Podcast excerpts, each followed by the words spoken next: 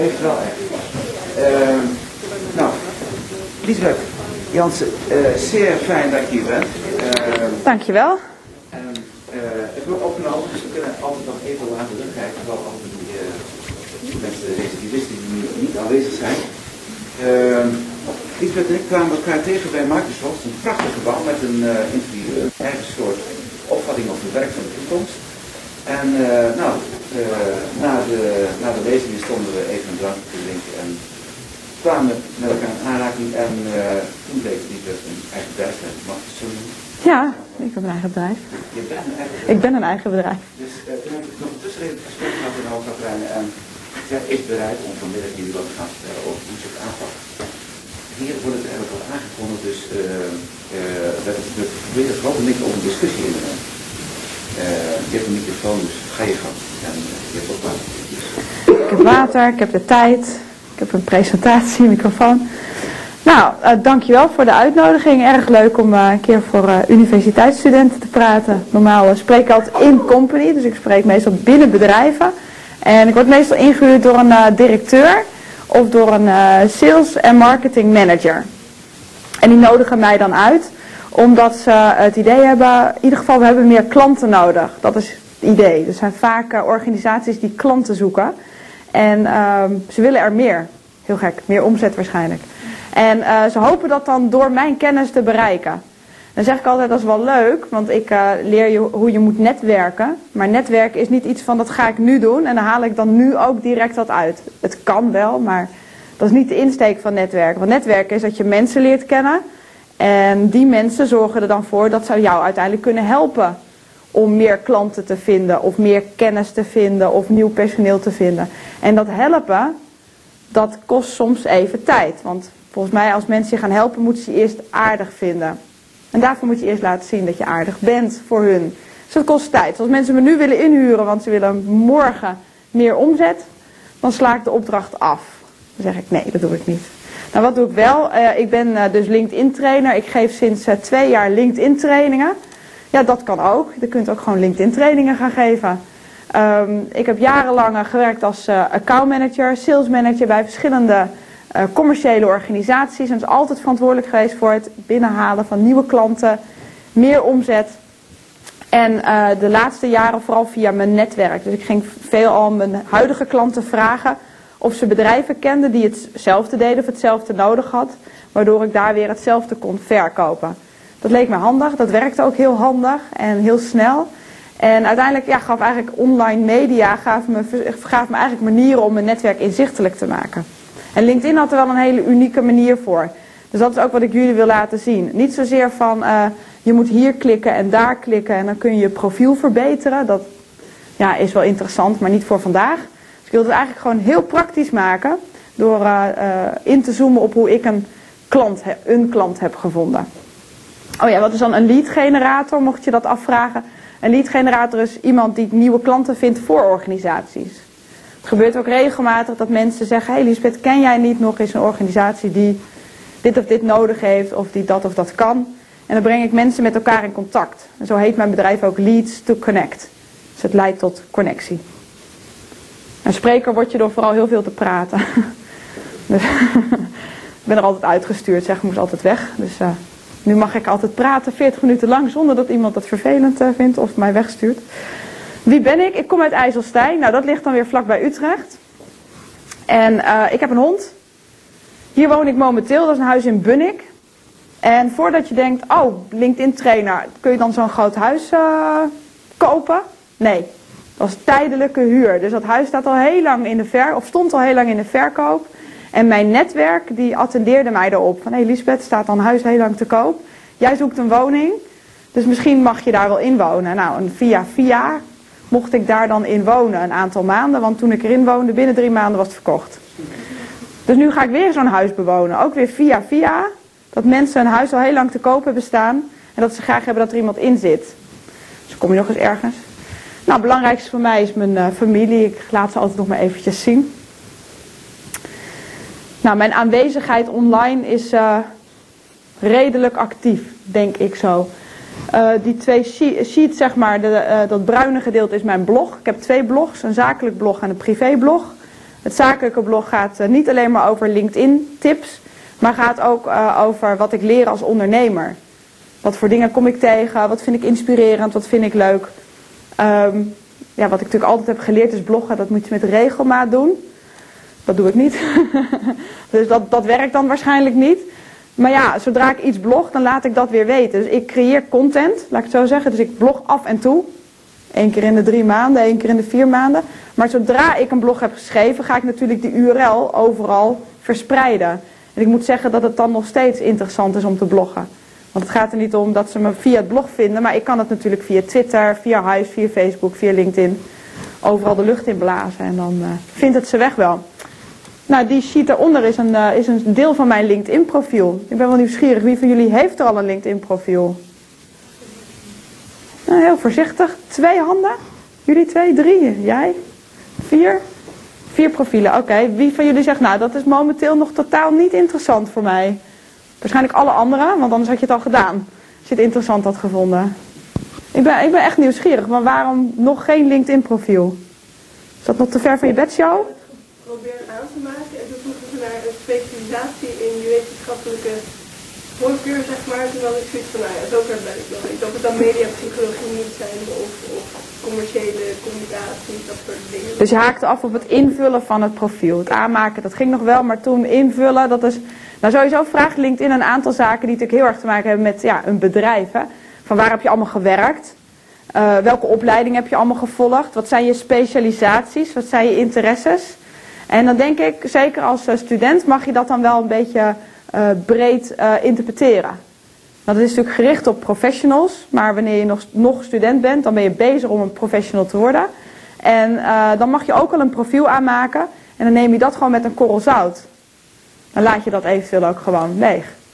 En dan kun je toch door. Want is het interessant? Ja, dat denk ik wel. Want je kunt met mensen verbinden. En die mensen creëren dan uiteindelijk je netwerk. Net zoals dat ze dat op Hives of Facebook al zijn.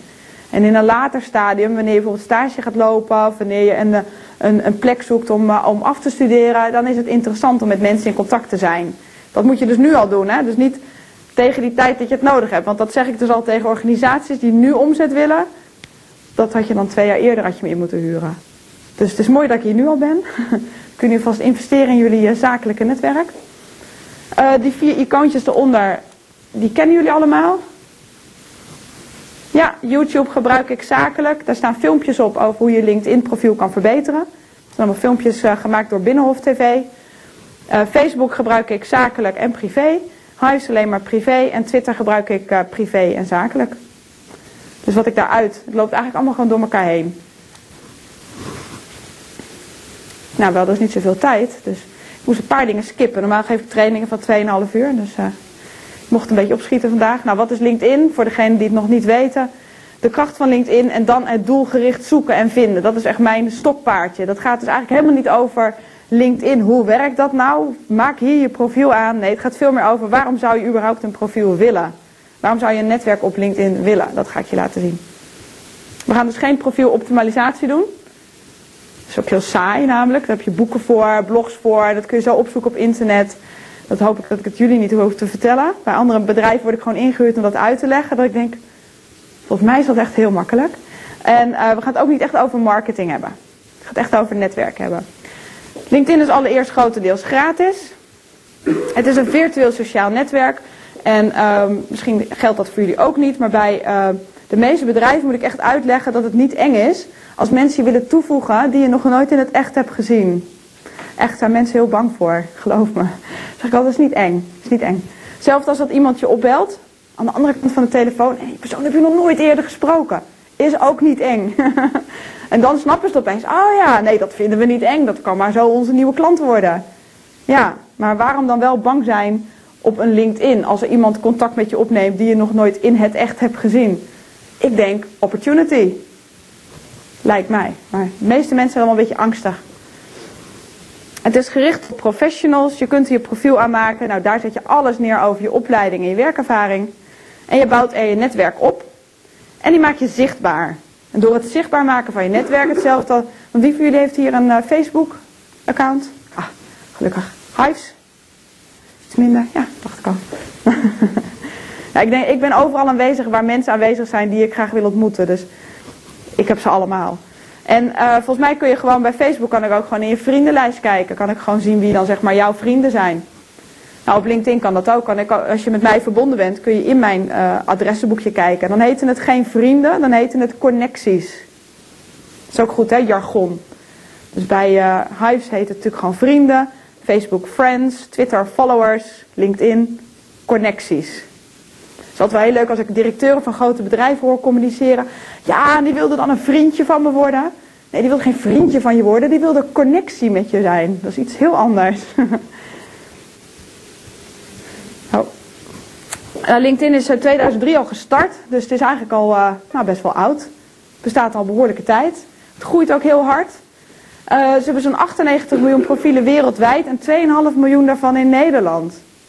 Dus dat is veel. Van die 98 miljoen zijn er ongeveer 18, 19 miljoen in Europa. Om je een beetje een idee te geven. Zijn er nog meer netwerksites, zeg maar professionele netwerksites? Jazeker, er zijn er nog veel meer. Een van die uh, netwerksites is Xing, met een X. Wordt veel in Duitsland en in China gebruikt. En er is bijvoorbeeld uh, Economy. Wordt veel in België ook gebruikt. Nou, dat zijn wat andere professionele netwerksites. Het eerste miljoen gebruikers, ja, dat is natuurlijk uh, iemand die LinkedIn heeft verzonnen, zeg maar. Nou, die begon natuurlijk met zijn eigen profiel aan te maken. En zo, waarschijnlijk werd iedereen verplicht binnen LinkedIn uh, om dat te doen. En zo ging dat dan steeds meer naar buiten. En dat eerste miljoen, dat duurde ongeveer 500 dagen. Het laatste miljoen minder dan 10 dagen. Om maar een idee te geven hoe snel dat gaat. Dat is 40 keer zo snel. En uh, in Nederland alleen is LinkedIn enorm hard gegroeid. Afgelopen 4,5 maand is het van 2,1 naar 2,5 miljoen profielen gegaan. Zo'n groei van 25 procent. Veel ondernemingen zouden dat willen met een omzet momenteel. Maar wat kun je er nu mee? Want een profiel aanmaken is zo gebeurd, maar uh, het invullen daarvan kost echt wel een paar uur. Als je al die teksten wilt schrijven en je wil ook nog dat het een beetje zin heeft, dat er een beetje goede teksten in staan, dan kost dat wel een paar uurtjes. Waarom zou je dat überhaupt doen? Nou, omdat je er leads mee kunt genereren. Je kunt er nieuwe klanten mee vinden. Je kunt er relaties mee onderhouden en je kunt er netwerken. En dat is mensen met elkaar in contact brengen. Dat is netwerken. Je kunt er personeel vinden. Sowieso, doordat je een profiel hebt, word je beter gevonden. Op Google bijvoorbeeld. Je werkt aan relatiemanagement. Nou, hoe groter het professionele netwerk wordt in de loop van de tijd, des te belangrijker gaat dat onderhouden worden. En het is een digitaal visitekaartje. Dus wanneer je een LinkedIn profiel hebt, dan is het wel zaak dat je daarop reageert. Hetzelfde als met je Facebook profiel of Hives of Twitter. Als mensen daarop iets neerzetten wat direct aan jou uh, geschreven wordt, is het wel aardig als je reageert. Anders gaan ze heel snel mee stoppen. Dat is ook gewoon sociaal gezien wel het handigste. Dat hoef ik jullie denk ik niet uh, uit te leggen. Maar de LinkedIn heeft een enorme kracht. En die kracht die vind ik niet terug op een Hives en op een Facebook. En daarom vind ik LinkedIn ook zo leuk. Want het gaat mij niet om de tool, dus hoe ik dat online allemaal moet doen. Het gaat mij om een bepaald inzicht. En uh, nou, dat is een numbers game, dus iedereen kent 250 mensen. Dan praat ik over de zakenwereld. Hè. Mensen die het over het algemeen ook wel ietsje ouder zijn. Maar je, je kan ervan uitgaan dat je op een gegeven moment wel 250 mensen kent. En dan praten we het niet per se over vrienden, maar over zakelijke relaties. Mensen met wie je op de universiteit hebt gezeten. Mensen met wie je workshops hebt gevolgd. Mensen met wie je hebt samengewerkt als je op een gegeven moment aan een baan gaat beginnen. En zo bouw je dat eigenlijk op naar zo'n 250. Die mensen noem je eerste graad connecties, eerste lijn connecties. Op LinkedIn staat daar ook een 1 achter. Dus wanneer je met die mensen verbonden bent, dus je hebt een invitatie gestuurd of zij jou, je hebt die geaccepteerd, dan ben je eerste lijn connecties van elkaar. Oké. Dat zijn hetzelfde als je Facebook vrienden eigenlijk. Die mensen kennen ook weer mensen, heel gek. Dat zijn mensen als jij en ik, dus die kennen ook mensen. 250 ook, want het zijn dezelfde mensen. Alleen er is overlap, want misschien hebben jullie bij elkaar in de groep gezeten. Dus is er een overlap. Even voor het gemak de helft. Dus 250 keer 125 zijn ruim 31.000 mensen in de tweede lijn, in de tweede graad. Dus dat betekent wanneer jullie twee mijn uh, connecties zijn op LinkedIn, dan zijn jullie bijvoorbeeld mijn tweede lijn op de tweede rij. Nou, dat zou je niks verbazen. Er is natuurlijk ook een derde, een vierde. En daartussenin gaan we al de wereld over en een 50 graad. Dit is gewoon numbers game. Zeg niks, nog, nog, eigenlijk nog niks over LinkedIn. Behalve het feit dat LinkedIn ja, op één plek gewoon uniek is. En dat is dat dit inzichtelijk is op LinkedIn. Als ik op Facebook iemand opzoek, kan ik wel zien wat onze gedeelde vrienden zijn, maar kan niet zien via wie ik daarmee in contact kan komen. LinkedIn laat mij zien via wie ik in contact kan komen met. Dat ga ik jullie zo heel concreet laten zien. Uh, de kracht van LinkedIn zit dus in het feit dat dit inzichtelijk is. De eerste drie graden, 1, 2, 3, laat LinkedIn zien. 4 en 5, dan zegt hij out of your network. Dat is te ver weg. Dus dat betekent hoe groter je eerste lijn relaties, hoe groter die groep is, des te beter je bereik is naar andere mensen over heel de wereld. Want het is natuurlijk niet voorbehouden aan een bepaalde geografische locatie. De kracht van netwerken, van mensen, zeg maar, mensennetwerk, is de tweede lijn. Want jullie ken ik al, maar jullie vrienden ken ik nog niet. Of jullie connecties ken ik nog niet. Dat is voor mij interessant. Dus dan wil ik jullie te vriend houden. En dan kunnen jullie mij introduceren bij die mensen op de tweede rij. Dat zou natuurlijk heel fijn zijn. Want dat werkt als volgt. Allereerst begin je dan met een doel. Je kunt ook heel veel doelloos doen. Dat doen we regelmatig op Facebook, althans ik wel. Dus ik gewoon een beetje rond te kijken, een beetje te reageren, een beetje op fotootjes te kijken. Dat is, nou ja, doelloos achter. relatiemanagement noem ik het altijd maar. Maar werken vanuit je doel is het meest effectieve. Dus um, voor mijn eigen organisatie was ik op zoek naar een doel. Ik wilde in contact komen met de directeuren van Nederland. Ik denk, als al die directeuren nou eens een mooi LinkedIn profiel maken. En als die nou eens goed onderhouden, dan hebben wij er allemaal profijt van als wij met iemand in contact willen komen. Want zij kennen ontzettend veel interessante mensen voor ons. Maar ik zag ook wel, wow, al die directeuren in een zaal, dat ziet er ongeveer zo uit. Die hebben ook helemaal geen zin.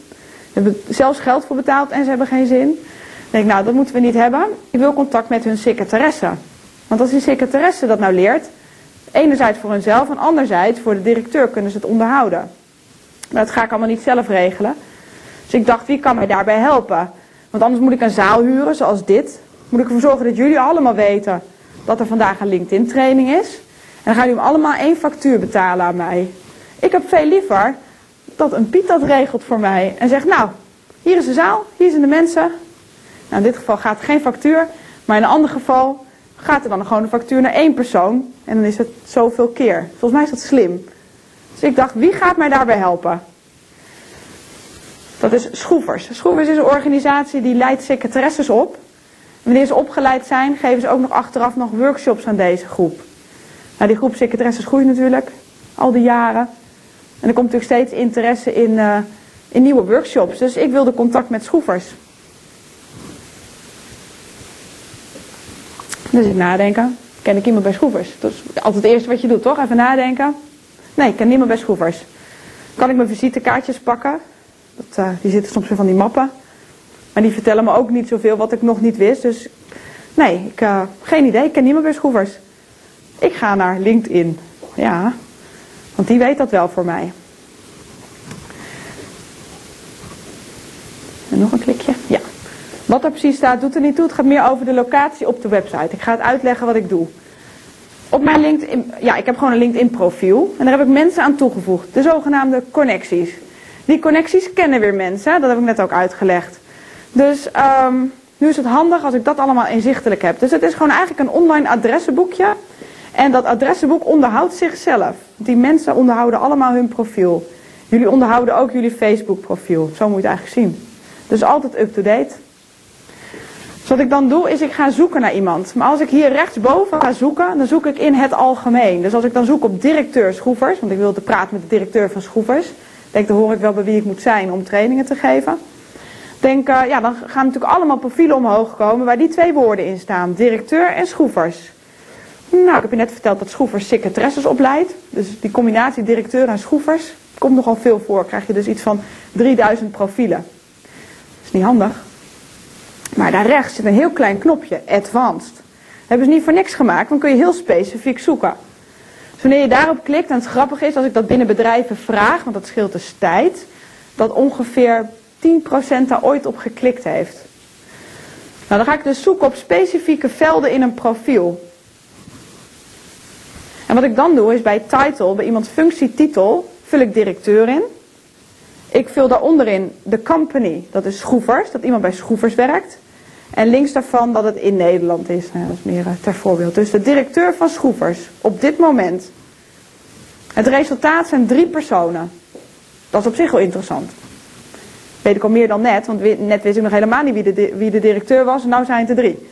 Oké, als ik dan in de profielen ga kijken, dan zie ik nou de middelste dame, Ria van het Klooster. Dat is echt de directeur van Schroevers. Althans, dat was het afgelopen zomer. Daar is wat veranderd. Wat ik zie, een beetje klein voor jullie, maar er staat daar second. Er staat een 2 achter haar naam. Dus dat betekent dat ze zeg maar in die rij zit. Dus er is, is een gezamenlijke connectie. Er is iemand die wij allebei kennen.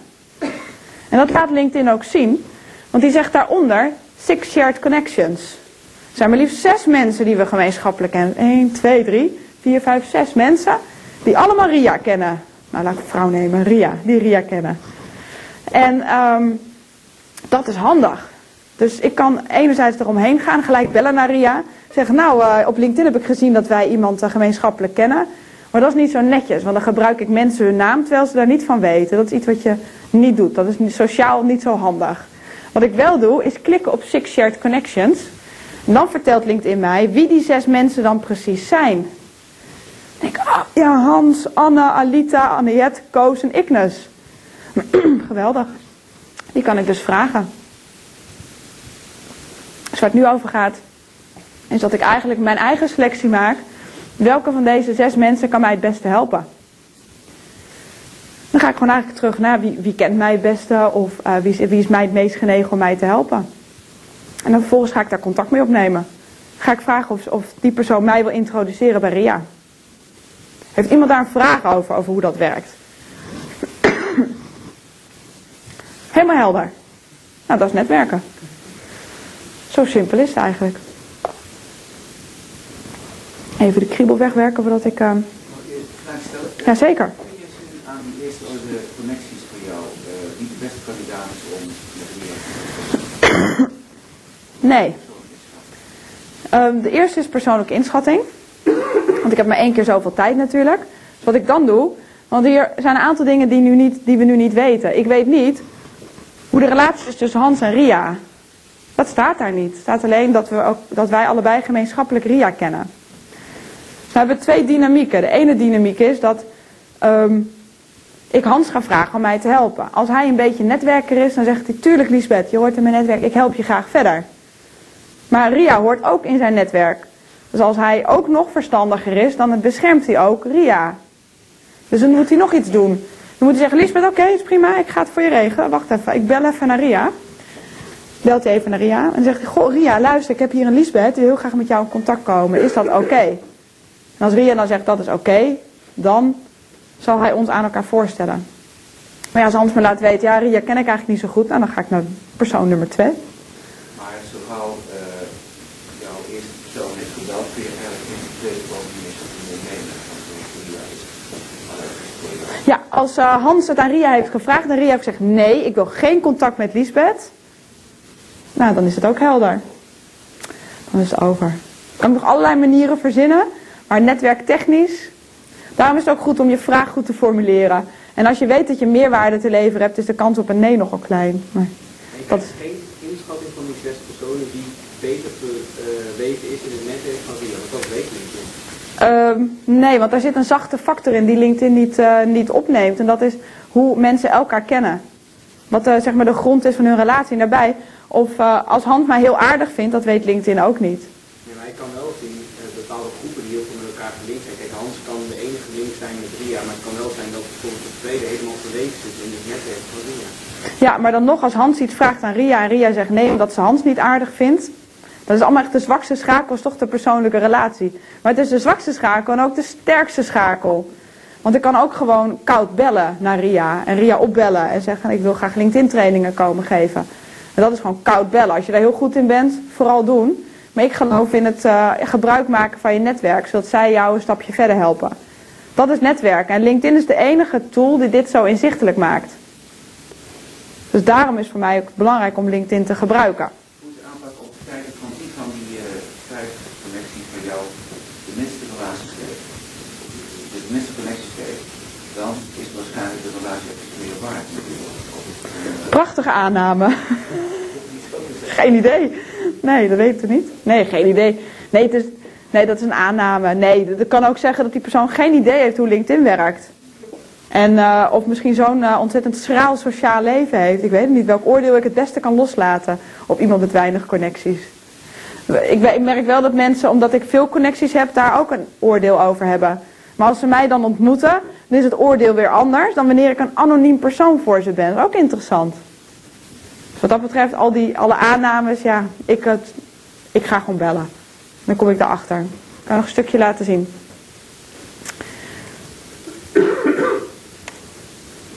Ja, dit is uiteindelijk dus maar handig dat jullie dat nu al weten. Veel mensen vertellen ik het pas als ze misschien 50 zijn, dus dan uh, is het een beetje laat. Maar het is ook niet echt iets nieuws. Volgens mij. Het is een reden waarom mensen je aardig vinden. Toch? Volgens mij is het niet veel ingewikkelder dan dat. Nee, het is niet veel ingewikkelder. Nee, mensen doen heel erg ingewikkeld. Dat is het leuke. Hè? Dan, uh, ja, mensen doen graag heel erg ingewikkeld. Vooral ook over hun connecties.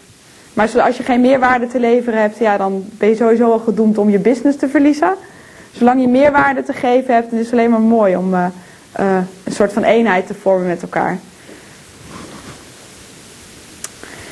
Nou, dit, dit was de, het eerste gedeelte. Nu denk ik dat het goed is om richting een stuk uh, discussie te gaan of vragen die je hebt. Ja, is de concurrentie die je daar aangaat met anderen, wordt die zichtbaar daar? Concurrentie waarin? Nou ja, je wil een bepaalde derde binnenkomen en die concurrentie wil dat ook. Ja. Zie, kan je dat zien bij jou? Nou, sowieso zijn er heel veel dingen aan en uit te zetten. Dat zijn natuurlijk gewoon settings. Dus um, alles is aan en uit te zetten en te verbergen. Um, ja, alles is, bij mij is alles te zien. Ik ben LinkedIn trainer. In mijn eerste lijns netwerk zitten andere LinkedIn trainers. En wanneer iemand bij mij komt van Lisbeth, ik wil je inhuren en ik kan niet, dan stuur ik ze door naar een van de andere LinkedIn trainers. Ja, nou ik zit, ik zit te kijken naar concurrentie van dat die dat jouw markt wegpakt. Ja, dat vind ik, blijft voor mij altijd een interessante gedachte. Ik weet niet of ik daar de juiste persoon ben om daar uh, op die manier naar te kijken, omdat ik daar totaal niet bang voor ben. Totaal niet, totaal niet. Maar er zijn wel bedrijven die er wel heel erg angstig voor zijn. En dan trigger ik hen ook vaak op de vraag, wat is dan je meerwaarde? Waarin ben jij dan zo specifiek goed? Want als je al... Je gooit het wel even allemaal naar buiten. Het wordt dan open. Vandaar dat ik denk, nou, dat is niet wat Ja, wel een beetje. Nee, maar het is ook wel de vraag, je gooit niet alles naar buiten. En daarbij, uh, heel veel dingen zitten op aannames. Hè. Ik had voor, vorige week ook een heel uh, conservatief bedrijf. En dat conservatieve bedrijf, dat zag dus, oh, maar als ik dan mijn connecties open gooi, dat zit al een mooie terminologie natuurlijk, open gooi, en dan zitten ze allemaal bij elkaar, dan hebben ze mij niet meer nodig. Oké, nou ja, tot zover je meerwaarde, als dat waar is. En dan, nee, nee, want we doen dit en Oké, dus jullie doen iets waar ze jullie voor nodig hebben. Wat is dan de angst? Ja, ja. En daarbij, in die tussentijd, want het nieuwe, de, de nieuwe manier van werken, zeg maar, dat vraagt een overgang hoor. en in die overgang kun je dus ook nog dingen afsluiten, mocht je daar prettiger bij voelen. Voor de mensen die daar nog wat angstiger in zijn, is dat wel verstandig. Ja. Het is een stadium uh, dat wij uh, zijn met projecten bezig tijdens de studie. Ga je, ga je goed uit uh, En nou, dat product, dat is niet gemaakt, die moet je gaan verkopen. Die moet je een campagne voor maken. Dus nu is de vraag, kunnen wij ook door LinkedIn, zeg maar, een netwerk gaan maken. Dat is ook in natuurlijk ook erg goed, om gewoon standaard als vaardigheid te geven. De rest van het netwerk te geven, dat onderhoud is eigenlijk heel goed. Uh, dus het zou, dus voor goed, maar voor dit project, voor dit project een bijdrage. Dat is een vraag die jullie voor Wie ziet het pas in zijn campagne om een netwerk daar nog voor de komende twee, drie maanden netwerk voor te creëren? Nou, je kan er natuurlijk over nadenken. En dat, het begint allemaal heel dichtbij hoor. Want uh, ik bedoel, iedereen begint gewoon met het toevoegen van uh, vaders, moeders, ooms en tantes. Uh, misschien mensen van school, misschien mensen met wie je op school al hebt gezeten. De vorige opleiding. Het begint gewoon heel dichtbij. Want net zoals dat we altijd zeggen, iedereen die zakelijk is aan het einde van de dag ook consument. Zijn de meeste mensen die aan het einde van de dag consument zijn, overdag ook werkzaam. Zo mag je natuurlijk ook andersom doen. Dus je kunt zeker, wanneer je nog jong bent, gewoon mensen gaan toevoegen in je directe omgeving. Want eh, of je ouders, ooms en tantes, neven, nichten hebben hele interessante zakelijke netwerken. En het gaat er nu niet meer om van dat het alleen maar eerste lijns mensen zijn die jij zelf kent, maar wie zij kennen. En dat weet je niet. Je weet van je oom of tante of van je vader of moeder zelfs niet precies wie zij zakelijk kennen. Je hebt geen idee. Als zou op LinkedIn zijn, dat is ook even de vraag natuurlijk. Wanneer zij op LinkedIn aanwezig zijn, is dat wel voor je inzichtelijk wanneer je die verbinding maakt. Dus zo kan dat al een aanzet zijn om je netwerk op te starten.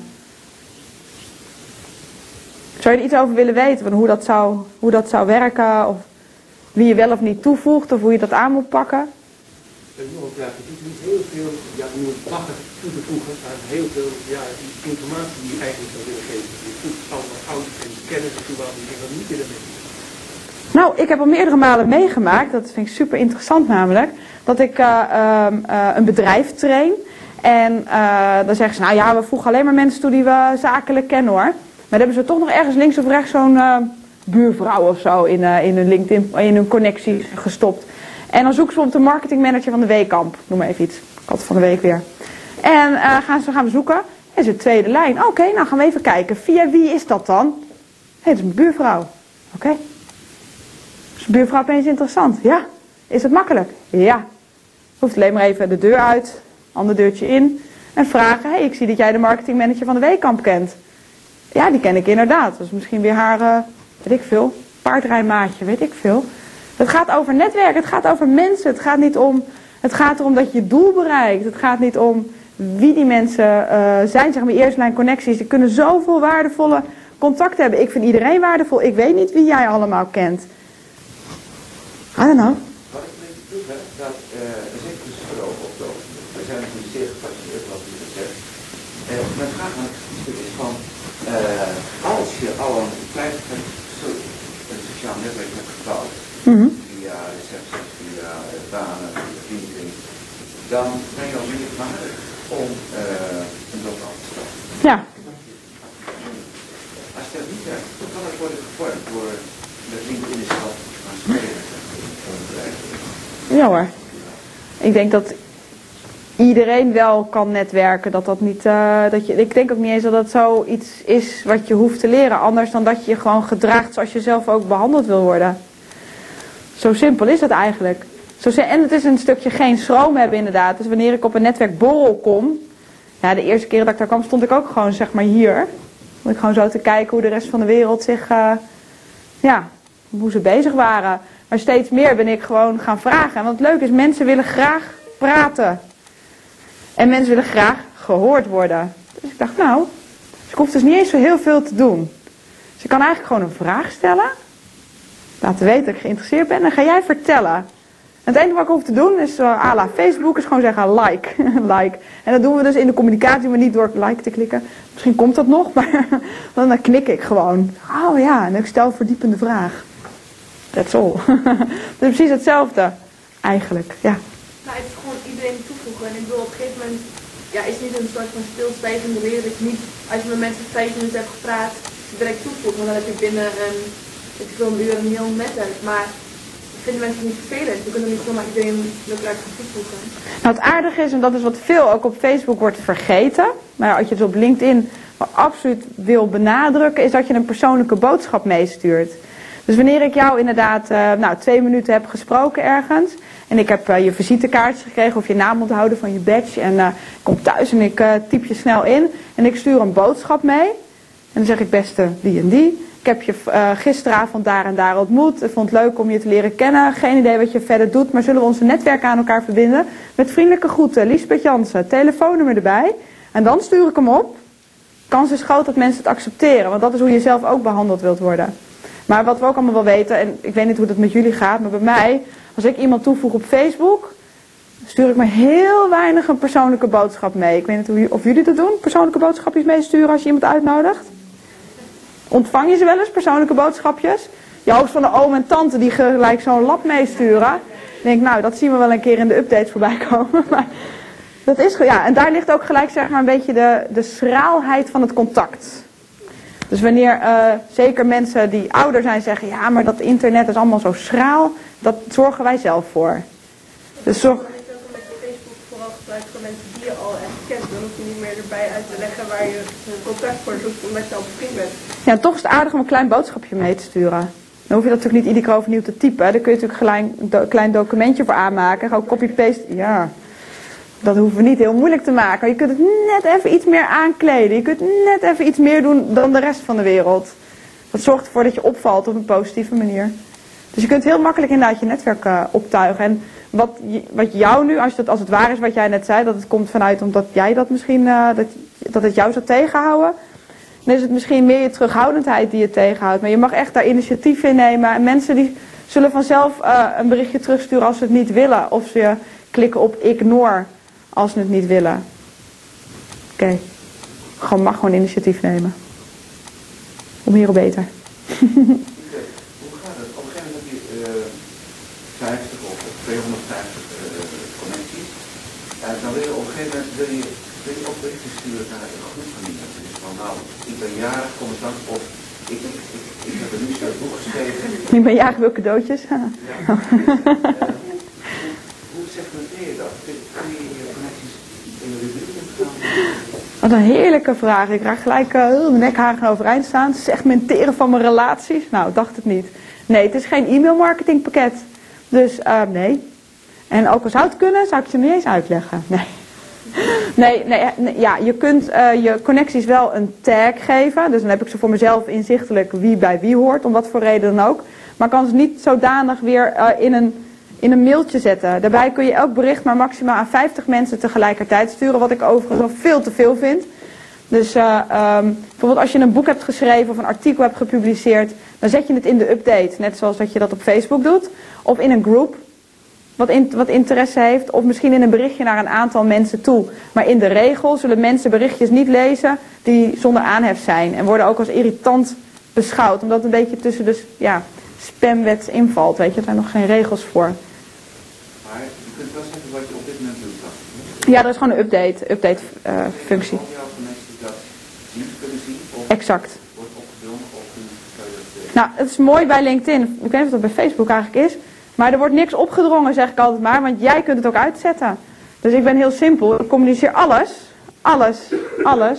En als iemand dan zegt, nou Lisbeth, jij communiceert wel heel veel via LinkedIn. Zeg ik, oh, zal ik je laten zien hoe je het uit moet zetten? Hoe je mij uit kan zetten? Dat kan namelijk. Dus ik leg de verantwoordelijkheid bij de ander neer. En mijn verantwoordelijkheid neem ik door alleen relevante content te delen. Dus het gaat alleen over LinkedIn en netwerken. Het is dus niet een marketinginstrument waarmee je pusht wat voor mooie dingen je kunt doen. Dat is gewoon... Staat dat nog, pushen? Oh. Nee, niet de bedoeling. Je kunt wel heel veel plekken inzetten in je, in je, in je voordeel. Dus LinkedIn Groups, daar kunnen mensen zich eh, eh, bijeenbrengen om één onderwerp heen. Dus daar kun je natuurlijk wel laten weten waar je verstand van hebt. Maar je kunt geen, ja, commerciële dingen pushen wordt niet als prettig ervaren. Nou, ja, hoeveel tijd ben je daarmee bezig? In de week of de dag? Ikzelf? Ehm, gewoon om mijn eigen netwerk te onderhouden of als trainer. Want het is ge-. Ehm, half uur per dag. Nog niet eens, denk ik 20 minuten, half uur. Ja. Als het eenmaal opgezet is, valt het dus wel mee. denk ik. Ja. Als het niet waar is, stellen we even pauze en misschien vragen meestal echt op.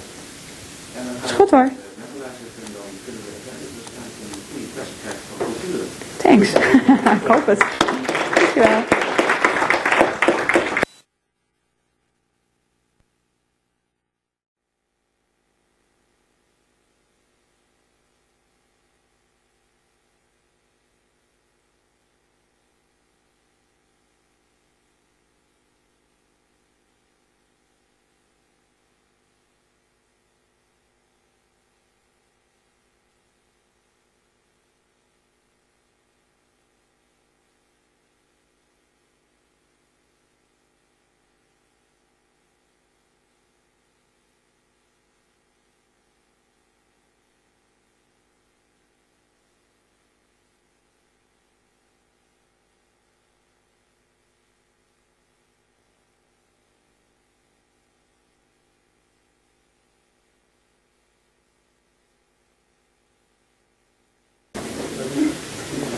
zo is hoor ik.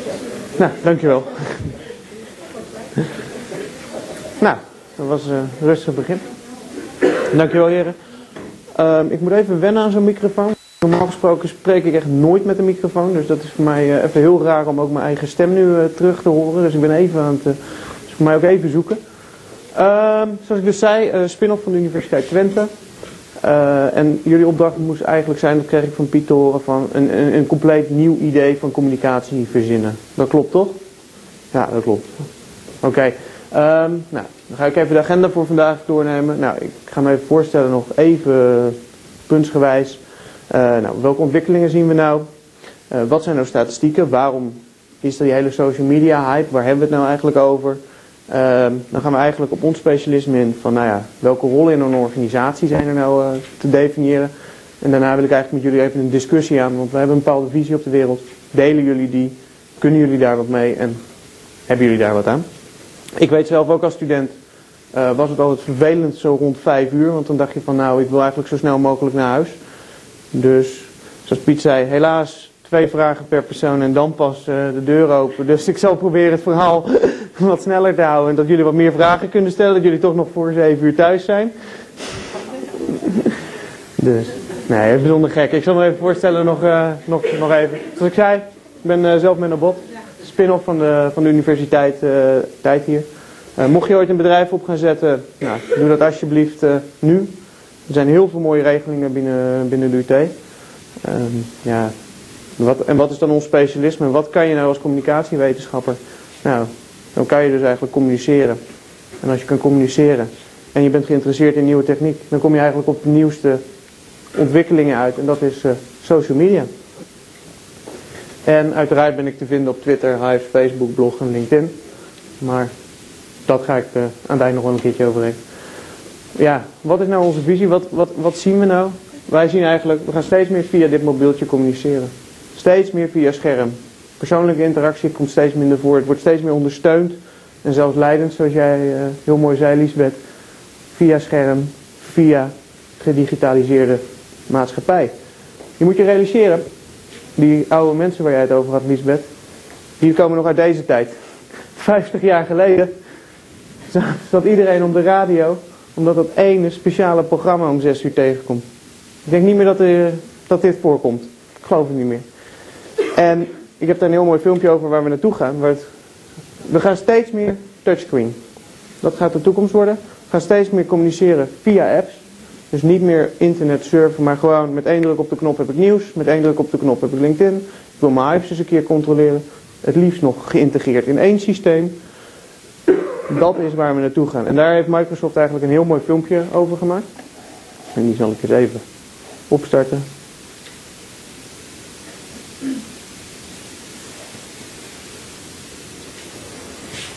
Nou zou je natuurlijk zien dat hij niet werkt vandaag. Oh.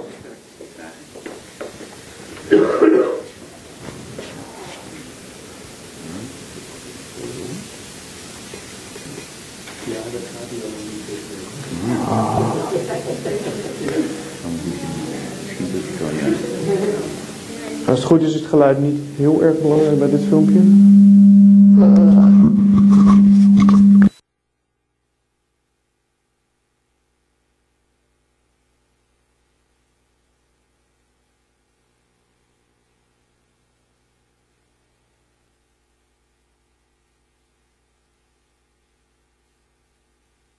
Is het nu weer veilig?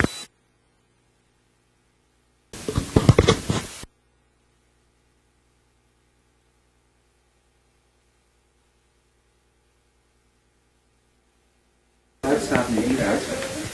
Oh. Dus, uh, maar dan kunnen we dit wat zachter zetten, als het goed is. Um, ja, dit is de hogeschool van de regulering. Nou, anders vertel ik er wel heel even wat bij. Ondertussen heeft we wat. Uh, wat je hier dus ziet eigenlijk, is dat we, we komen thuis en we starten zo heel even een klein stukje terug gaan. Als je niet gewoon opgesteld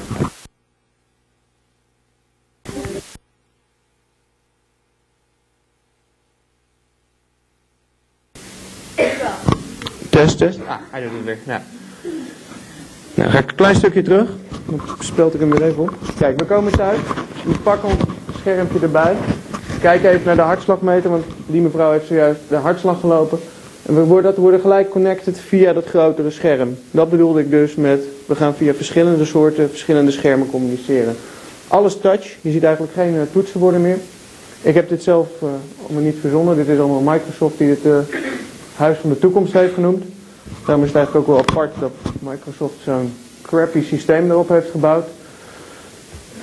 ja, het is gewoon zo. Ik bedoel, als je naar smartphones kijkt en als je naar Apple kijkt of naar Android, dan is dat een stuk beter.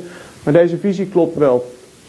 Um, nou, je krijgt informatie erbij. Uh, ook dit vind ik ook een fantastisch voorbeeld. Is de, de, de medicijnen staan op, het op de tafel. Het medicijn wordt neergezet en de informatie bij het medicijn komt erbij. Dus niet meer met, met handen met, met boekjes en dingetjes. Gelijk bij de patiënt aanwezig zijn. Zijn hier nog vragen over? Want dit filmpje loopt denk ik nu nog, nog uh, twee minuten door. Nou, zoals we hadden gezegd, jullie willen ook nog een, uh, een avond hebben. Zo na het weekend lijkt me dat wat zwaar uh, op de maandagmiddag. Ik weet niet hoe dat bij jullie ging, maar toen ik nog student was, waren de weekenden altijd wel, wel zwaar. Heeft iemand hier vragen over? Is dit duidelijk? Kunnen jullie hier wat mee voor je opdracht? Ja, geeft dit, geeft dit enig richtbeeld en richting? We zien die twee dingen denk ik. Ja, we zien dus die arts wordt ondersteund. Die kan Ja. enkel patiëntgegevens bij de patiënt halen. Eh, dus het is eh, ergonomisch gewoon eh geslaagd. En communicatie is, eh, zo tussen ons is het nog vooral vriendschappelijk. Dat heeft te maken met die heel graag makkelijk mee uitgaat. En eh, dat gaat natuurlijk door naar een, naar een collega-praktijk, waar je mensen En dat zie je hier, eh, mensen die je nodig hebt. en dat zie je dus hier. Je ziet dus een virtuele ontmoeting plaatsvinden. Eh, waarbij drie artsen dus een, eh, een case gaan bestuderen. Ondersteunend door de techniek eh, de, de case bes- bestuderen. Dus ze hoeven niet meer met elkaar in, de, in, in één ruimte te zijn. En kunnen eigenlijk de drie beste artsen op dat gebied kunnen samenkomen. En omdat ze dus interactief kunnen werken op dat moment, kunnen ze de verschillende punten erbij pakken. En kunnen ze zeggen, ja maar ik zie dit zo en ik zie dit zo. Uh, specialismes kunnen dus veel, uit een veel bredere omgeving getrokken worden dan dat nu het geval is. Ehm, het, het, gebeurt al wel, maar het gebeurt nog veel te weinig. En dit zou ook echt de toekomst zijn dat je dus in het, in het ziekenhuis gewoon een, scherm erbij staat en je drukt op een knop en zegt ik heb eh, Piet uit Chicago nodig en ik heb eh, Wang uit, eh, uit Shenzhen nodig. Trekken we bij elkaar en we hebben hier de, een van de moeilijkste hartoperaties. Dat is zo'n uitdaging, daar wil iedereen aan meewerken. Kijk, het zal niet gaan om een gebroken arm of een gebroken, gebroken voet. Dat, dat, dat is standaardwerk. Maar hele specialistische dingen kunnen op deze manier veel effectiever worden opge, opgelost. Dat klopt. En vanuit communicatieoogpunt is het natuurlijk heel belangrijk dat je dus veel minder gebonden bent aan tijd en ruimte om te kunnen communiceren. En dan heb ik hem nog volgeluld ook. Dus zo, zo, zo zien wij als Bot Solutions echt de toekomst voor, van communicatie en dit gaat het ook worden. Dus ehm degenen die nog geen idee hebben, ik wil jullie eigenlijk wel een beetje uitdagen om iets heel gaafs te gaan verzinnen. Ehm, nou, wat, wat, waar, zijn we nou eigenlijk mee bezig? Dat, eh, dat zei je ook al heel mooi. We zijn bezig om een netwerkmaatschappij te worden. Dat waren we eigenlijk altijd wel, maar die nieuwe me- media die stellen ons eigenlijk in staat om veel meer en veel beter verbonden te worden. En als je dus hebt over 500 connecties, dat zijn de grote dots. Dat zijn die belangrijke punten op het, op het netwerk. Mensen die minder connecties hebben, zitten daar buiten. En zoals, altijd in het leven, mensen met veel connecties en kennis zullen machtiger worden. Dat is iets wat je ook zal zien. Ehm, deze slide staat heel even over. Nou, wat is nou eigenlijk het grote verschil? Wat is nou, als je zag ten opzichte van 50 jaar geleden, dat eigenlijk bij die nieuwe media de gebruiker heel erg bepaalt. De gebruiker bepaalt wat erop komt. Jij schrijft het blog. Geen professionele reactie, redactie meer. Tegenover de zender bepaalt. Dus in de oude media was het de journalist, was het de reporter die bepaalde wat er voornamelijk naar de mensen toe ging. Nog een eh, verschil is, is dat een boodschap veel dieper in een naar mensen toegespitst kan worden. En ook, je kan ook veel dieper je informatie opvragen. Ik, wil, ik ben Formule 1 fan, ik vind het fantastisch. Maar ik vind drie coureurs leuk. Is Schumacher, dat is Kubica en dat is Jos Verstappen destijds. Toen ik nog jong was, deed hij nog mee. Dus ik wil informatie over die drie coureurs en algemeen. Ik hoef niks te weten over andere coureurs. Dat kan ik via social media, via de nieuwe techniek krijgen. En dat kon vroeger kon dat gewoon niet. Werd de boodschap werd bepaald door RTL. Die bepaalde welke coureurs aan woord komen, hoe lang en waar het over ging. En we hebben de mogelijkheid om terug te praten. We hebben de mogelijkheid om tijdens de gemiddelde televisieprogramma heb je al een Twitterstream meelopen en kan je al zeggen van ja, ik wil toch even dat deze vraag nog naar voren komt. Vroeger moest je bellen, dan zat er een redactie en die, als je bij hoge uitzondering kwamen ze een briefje in de commercials erbij leggen en werd jouw vraag behandeld.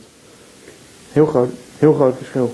En je verwacht dit ook. Je verwacht ook inmiddels dat als jij wat stuurt, dat er minimaal iets mee gedaan wordt. Nou, dan nog even enkele feiten. Ehm 14% vertrouwt een eh, advertentie. Tegenover 78% van vertrouwt een online aanbeveling. Nou, een online aanbeveling is... Ik ben er even van uitgegaan dat dat bekend is. Wie weet niet wat een online aanbeveling is? Nou, fantastisch. Mooi. Dus twee derde van de mensen koopt een product door een aanbeveling van iemand anders. Dus als jij een aanbeveling leest en je denkt van... Hé, hey, ik koop op basis van een vriendschap koop ik een product. Dat is echt waar. Dat is echt, dat zou je ook wel onderkennen. Als jij aan iemand voorgesteld wordt, dan denk je van... Hé, hey, dat vind ik veel leuker dan dat ik op het moment dat ik een cold call krijg. Dan sta je daar veel opener voor. Alleen er is één ding waar je rekening mee moet houden met dit hele verhaal.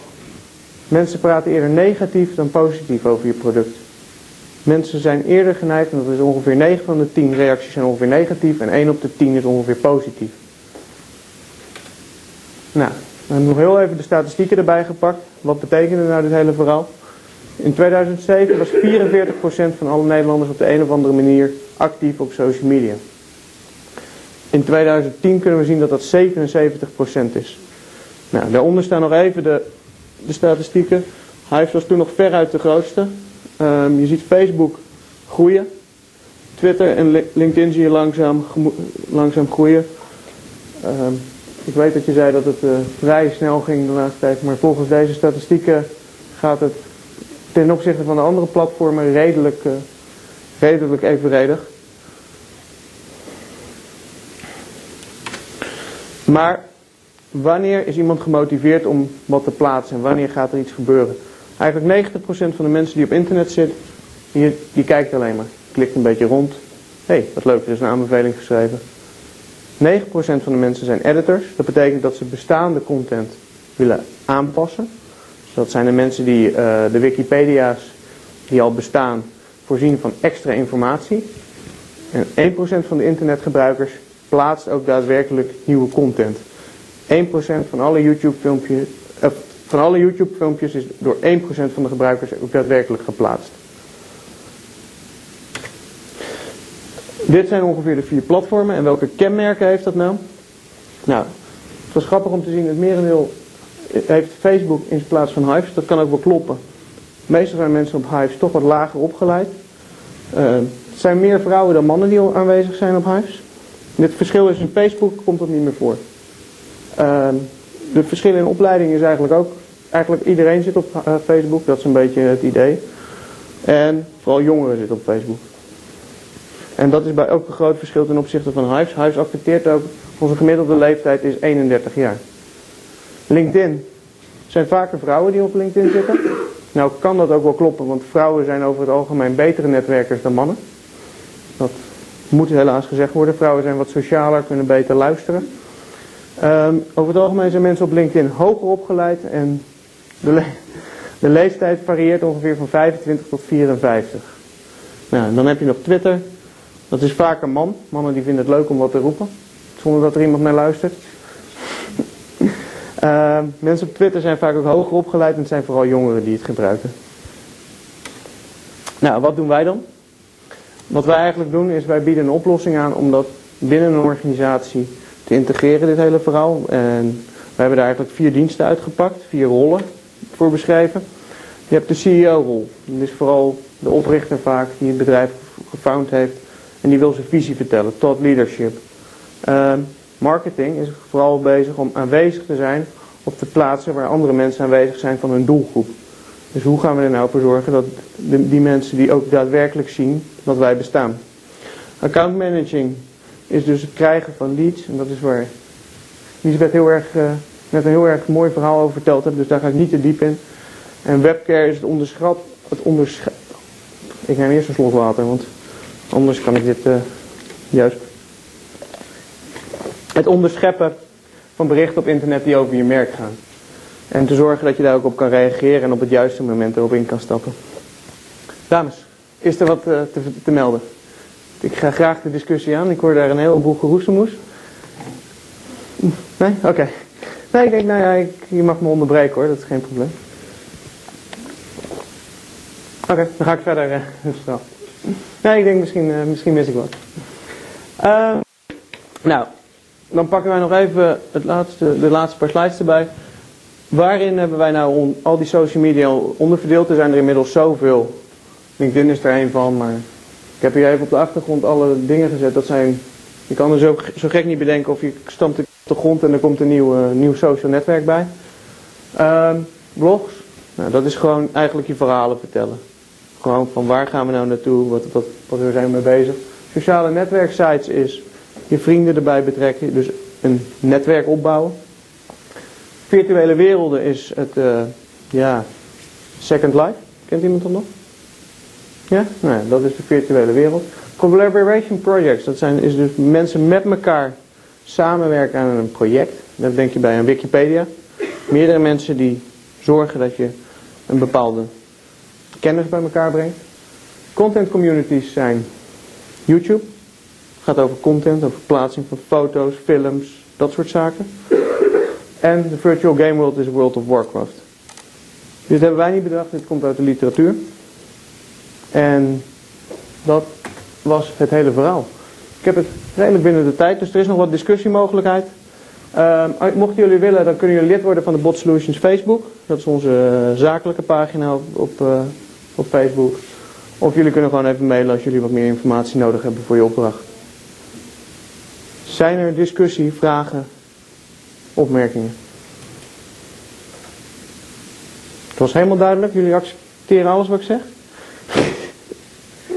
heb wel een nadenking. Um, je zei van uh, uh, dat er meer wordt gecommuniceerd over negatieve dingen dan over positieve dingen. Ja. Ik vraag, me, ik vraag me werkelijk af, is dat waar? Ja. Is dat zo? Of is dat wat wij als mensen het liefst oppikken en doorsturen? Ik zal heel even kijken of het... Ik, ik weet het niet. Ja, de onderzoek gaat eerder negatief of positief over een productervaring. Bijvoorbeeld, nou ja, waar, waar wordt dat geuit? Bijvoorbeeld op Tinder of op Facebook of Hive, er is allemaal productervaringen uiten. Maar zijn die inderdaad vaker negatief of pikken wij die als mensen beter op? Jullie het weten of het idee hebben? Ja, ik, uh, ik heb het onderzoek er nu niet bij staan. Ik wil even te kijken van, volgens mij is dit van uh, Nielsen Global Trust in Advertising uit 2007.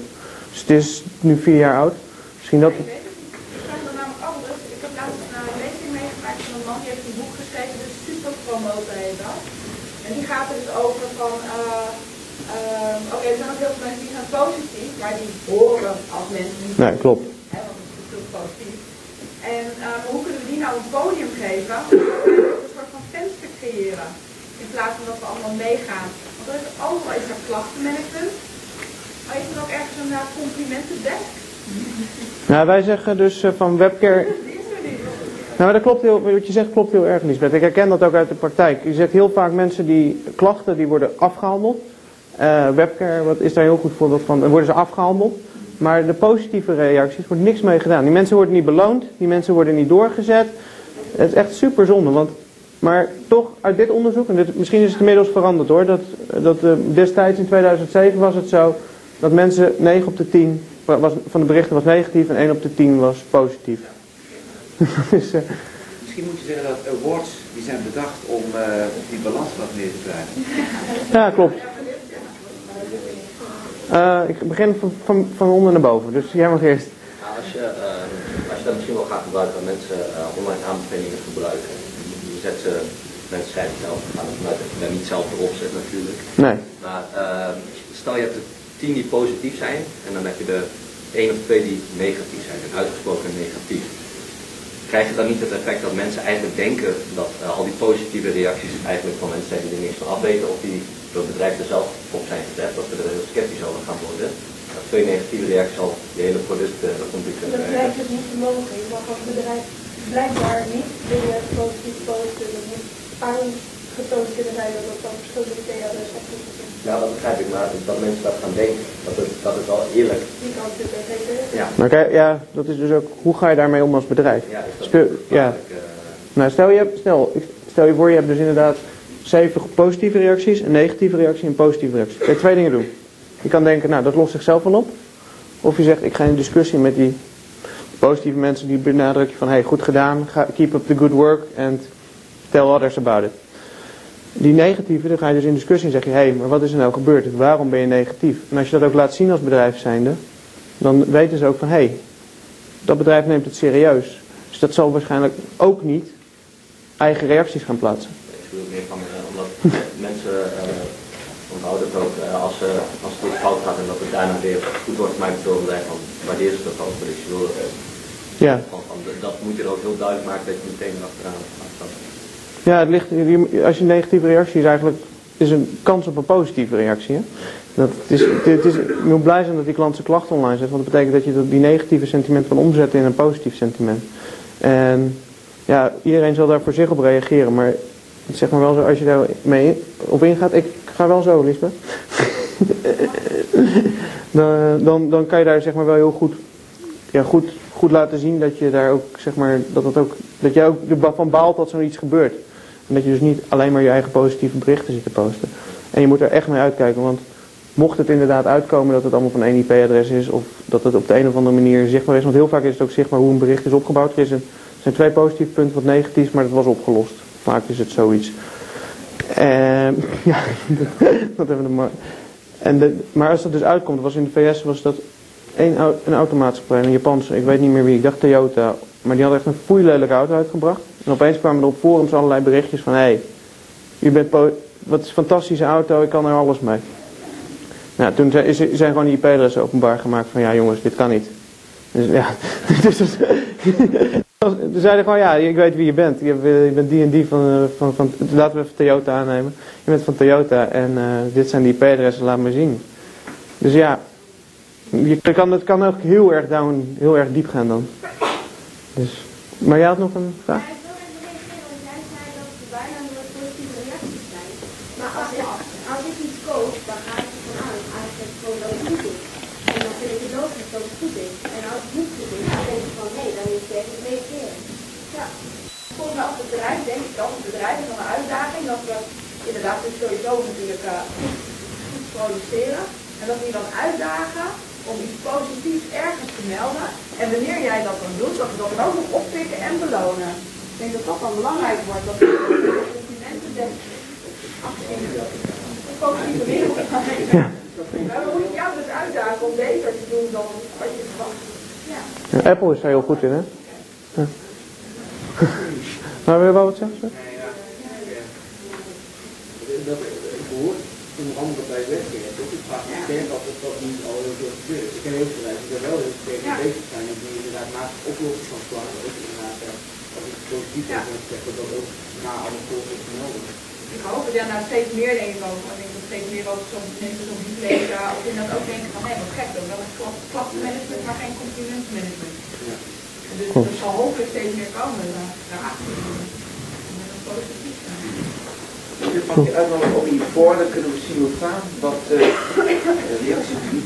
Eh, als er geen directe reacties zijn op dit moment, wat mij opviel, en dat, dat vind ik eigenlijk een heel mooi moment, dat een soort cultuur, eh, nou ja, misschien splitsing, oh, het is niet het cultuurelement, waarin we eigenlijk de angst voor het eigendom, hè, dus het, het ego, er is een prachtig boek, hè, The Blue Ocean, dat geeft aan een nieuw type klimaat is, namelijk ondernemers die wat durven te geven, die krijgen veel terug. Bijvoorbeeld is de kopermijn bijna op, ze gaan sluiten.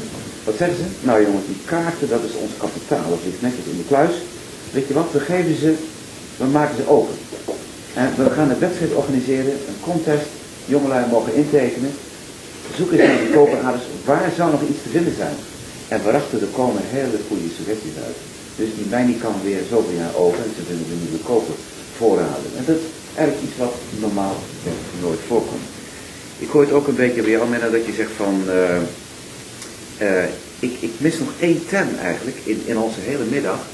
Dat is zoiets als eh, journalistieke verantwoordelijkheid. Want we geven reacties, hè. Iedere klant mag rea- reageren. Maar in onze cultuur, via kranten, via broadcasting, via tv, hebben ze iets gekregen als mensen die specialiseren zich om bespreekbaar te zijn voor wat er leeft. Gaat het ontstaan, Lisbeth? Is dat iets wat verenigbaar is met LinkedIn of zeg je no, no done? Wat bedoel je dat precies? Nou, eh, eh, komen er partijen, eh, eh, actoren die in bijvoorbeeld LinkedIn zeggen van luister, ik, ik, ik eh, detecteer een bepaalde opinie en er zit nog er zit een goede gedachte in, ik vertolk dat in nette woorden en ik eh, straal het uit, want dat is de moeite waard dat iedereen het weet. Ja, ik denk dat vanuit persoonlijke profielen dat dat gewoon zo, zo zal zijn. Zoals power to the people. Ik denk niet dat een soort van samen, ja, behalve in de, in groepen, dat mensen zich verenigen omdat we hetzelfde denken. Dus Ja. het hoeft niet per se in LinkedIn. Ja, ik, ben, ik, ik wil er nog één ding aan toevoegen. Ik denk inderdaad van die groepen dat dat heel, eh, heel belangrijk is. Maar ik wil dan even kijken, waar zit die? Waar is die nou? Deze. Ik wil ik hier er even bij pakken. Ehm, wat je heel veel ziet is dat eigenlijk, ja, vooral de Telegraaf is er wel een mooi voorbeeld van. Die hebben op een gegeven moment, ik dacht Bassie, van Bassie en Adriaan dood verklaard. Omdat iemand dat op Twitter had gezegd. Je kent het voor dat het niet... eh, Nee, ik weet wel dat hij een keer doodverklaard is. ja, en Dat nog wat erger. wat vervelend voor die jongen. En dat bleek eigenlijk iemand te zijn die hier zat, als je kijkt naar het sociale netwerklandschap. Dat, er was iemand die had zeven volgers op Twitter. En, die, en dat bericht was twee keer geretweet. Nou, als je een beetje kan, logisch kan nadenken, waarschijnlijk is het niet waar. Als je dus hier, en dat, en dat zal echt gaan gebeuren. Mensen met veel connecties zullen eerder aangenomen worden. En dat zullen een beetje de nieuwe journalisten worden. Ten opzichte van de, de ouderwetse journalisten. Dus uh, een bericht moet zeg maar door, eerst door drie bolletjes bevestigd worden. Met veel connecties of heel erg gespecialiseerd ja, status op de een of andere manier. En dan pas wordt het als waarheid aangenomen. Maar die evolutie, ja, daar, dat, moet nog even, dat duurt nog even. Dat is in feite gewoon hetzelfde, want degene waar, die naar veel, waar veel mensen naar luisteren, dat zijn degenen die op de weg zijn. Ja, je bent een journalist, het is in principe hetzelfde. Op het moment dat je een journalist bent en niemand wil naar jou luisteren, dan heb je in feite niet kijken. Heb je geen baan meer. Ik kreeg het overigens wel op een vraag, Menno en. Eh, hier zijn die grote bollen, dat zijn eh, mensen met veel connecties, klopt? Ja. Of zijn het vooral mensen die veel, veel zijn uitgenodigd?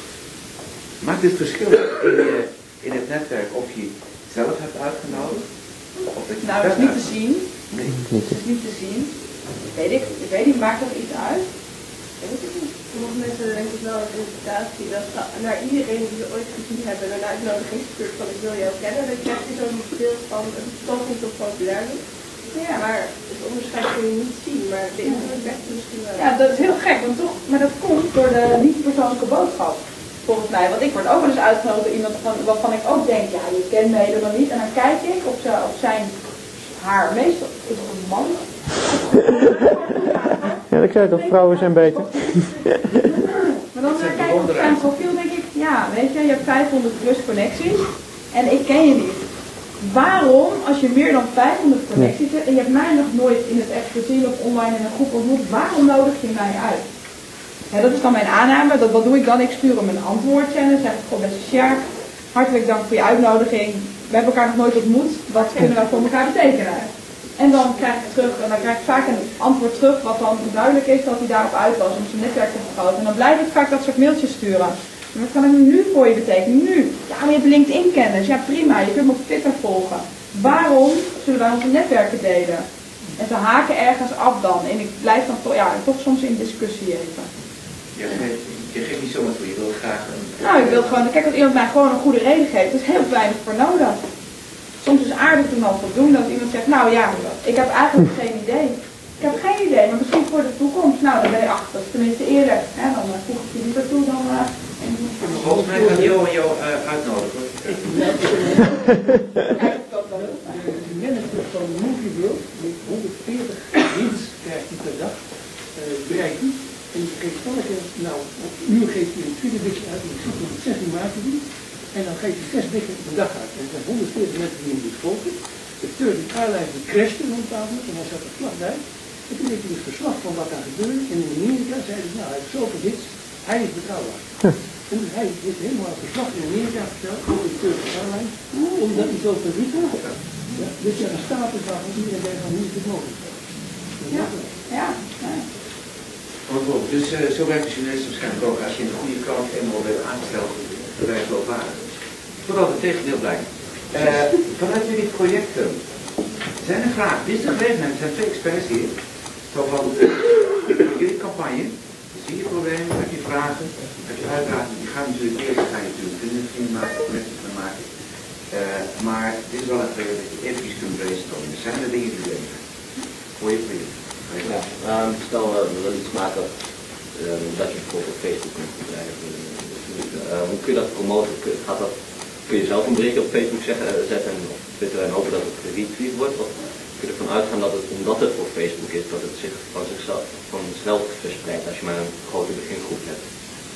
Ja, ik zou allereerst dan, nou ja, ik ben heel specifiek, zou ik willen weten, wat is het dan precies? En um, ja, hoop goed leven, dat begrijp ik wel. Maar ik zou dan toch even gaan nadenken van, oké, wie zijn de interessante mensen in mijn netwerk die mij bij dit doel kunnen helpen? Want de bedoeling is dus dat veel mensen dat dan aanschaffen, is dat iets wat aangeschaft kan worden? Stel een app. Stel een app, precies. Nou, dan zou ik hè, enerzijds kun je natuurlijk up updates plaatsen en dan maar hopen dat mensen het oppikken, maar daar, daar ga je echt de oorlog niet mee winnen. met. Dus het is belangrijk om met bij de juiste mensen terecht te komen. Zoals te kijken, oké, wie zijn toonaangevend? Er zijn er allemaal blogs in de wereld uh, die schrijven over apps. En die kun je natuurlijk uh, gaan benaderen. Van, hey, zou jij even een stukje over willen schrijven? Of uh, hey, gebruik het even, kijk eens wat het dan voor je betekent. Of zorg ervoor dat er een bepaalde pagina op je website is waar mensen kunnen achterlaten wat ze ervan vinden. Zodat je de dialoog aangaat. En dat vraagt een heel ja, marketing- en communicatieplan eigenlijk. Dat vraag je nu stelt. Ja. Je kunt heel simpel een update plaatsen, kost niks. En dan kun je hopen dat mensen ja. beschikken. Dat kan. Oké. Dat kan sowieso. Dat kan dat sowieso geven. Ik zal heel even daarop aanhaken. Ik vond het heel mooi wat je zei inderdaad, van ja, waar mensen samenkomen. Ik zal heel even kort vertellen hoe, hoe wij dat eigenlijk altijd toepassen. Wij geven ook seminars. Uh, 31 maart hebben we er weer eentje. Uh, en wij, wat wij eigenlijk doen is op LinkedIn kijken, nou, waar zit onze doelgroep? In welke groep zit die? En hoe gaan we ervoor zorgen dat die naar onze website komt? En dat is eigenlijk wat we altijd doen. Dan plaatsen we daar een berichtje en dan gaan we kijken van, hé, hey, wordt erop gereageerd? Wordt het opgepakt? Wat gaat er gebeuren? Komen er hits vanaf? En dan ga je meten. En als je dus denkt van, hé, hey, die groep is interessant. Dan kijken we dus eerst naar de groep. Nou, dan moeten er meer dan x aantal mensen in zitten.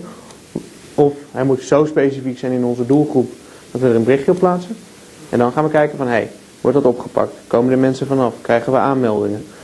bereiken we wat we willen bereiken. Ik zie, ik zie dat het zo, als jij landbouwgoederen verkoopt, tractoren of zo, dan ga je ook niet naar een ICT-beurs om je spullen te verkopen. Dan ga je naar de, boeren, de boerenbeurs.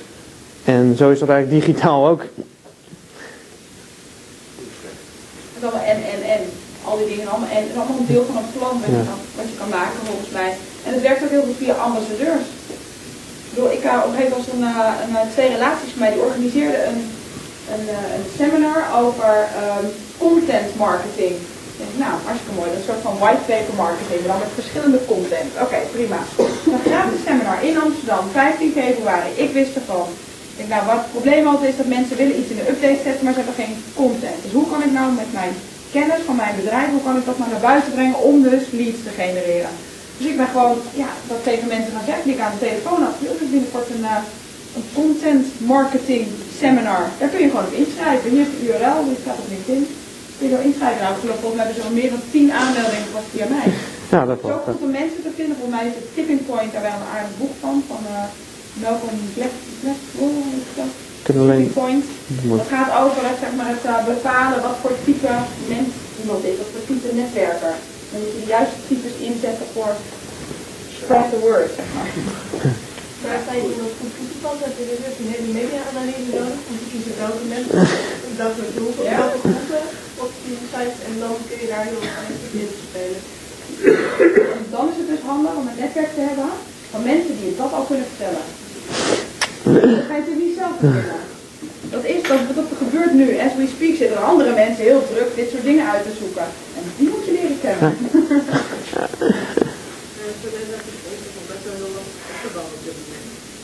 ja, wij ken, ik ken wel uh, bijvoorbeeld de meisje wat naast in de collegestad heeft. Ja. En eh, die, die, wij Ja. hebben nog niet zo'n grote connectie met de mensen die de Ja, snap ik. Ja. ja, dus dan ga je volgens mij, daar begon je ook mee, van dan ga je naar familie. Toch? Ja. Vader, moeder, broers, zussen, ooms, tantes, neven, nichten, daar begint het allemaal mee. Ikke, Menno, Ja. docenten, alle mensen in je omgeving. Ga, ga toch eens een keer op een gekke bui naar een netwerkborrel. Dus als je een beetje weet waar je het over hebt, je bent bezig met de studie, of op zoek naar contacten. Kijk, al een keer je neus laten zien. Ga ik met tweeën, met drieën. La, laat het je gebeuren. Ik eh, kan eigenlijk niet misgaan. Nee, ik moet, e- ik moet even op aanhaken. Jullie onderschatten het echt. Want ik, ik heb een paar eindejaarsstudenten gezien hier. Die hebben een netwerk waar je echt trots, eh, echt, eh, ja, daar ben ik echt, ben echt jaloers op. Want hoe komt dat nou? Nou, hier komen allemaal gastsprekers. eh, allerlei mensen willen hier heel graag eh, studenten ontmoeten. Want ja, dat zijn de talenten van de toekomst. Nou, en die accepteren je ook heel graag om op je netwerk toegevoegd te worden. Echt, echt waar. Begin er nu maar mee. Je hebt er echt zo meteen over een paar jaar echt een groot voordeel van. Je kunt altijd iets dan kennis nodig hebt, dan vraag je, hey Lisbeth, ik zie dat jij die en die kent. Mag ik via jou? Nou, natuurlijk ga ik voor je regelen, doe ik het voor je. Ik weet ook dat je dat moet niet leren. Zo regelt iedereen. Je had nog een vraag? Ja, is dan de bedoeling dat eh, jullie vanmiddag naar huis gaan, dat er dan 30 eh, mensen staan die dan jullie willen aanmelden op LinkedIn en op Facebook en op alles. Maar wat hebben jullie daar dan aan of wij dat doen? Jullie gaan ook weer een netwerk opbouwen. Werkt twee kanten op. Het hoeft niet, nee. Iedereen goede gastspreker. Nou prima, ik ga weer iedereen toevoegen, maar alsof jullie wie ik dan ben. Nou, als jij dus een berichtje erbij zet van goh Lisbeth, ik zat op uh, 1, 2, 3, ik zat op de vierde rij de blonde haar en die rode etui. Dus dan ben je terug, geen idee. Ja, het leuk vinden ze aan, maar hartstikke leuk dat je me uitnodigt, welkom in de netwerk. Is het erg? Nee, is niet erg. Als jij over een half jaar een vraag hebt, zeg Lisbeth, weet je nog, je was bij ons op een gastcollege gegeven, had en geen idee meer. Tuurlijk weet ik dat nog. En dan, en dan, ik zie dat jij de marketingmanager van Borrel kent. Zou jij willen vragen of ik een keer mag bellen omdat ik informatie nodig heb over? Je, je, je begrijpt het misschien nog niet, maar er zijn echt heel veel mensen die willen helpen. Wij, zeg maar, aan de zakelijke kant van de samenleving willen jullie studenten heel graag helpen. Als jullie een specifieke vraag hebben, willen wij je heel graag helpen. Ja, dat, eh, dat vinden wij leuk. Vanmiddag dus wel. Ik denk dat u vanuit het uitstekend applaus richting.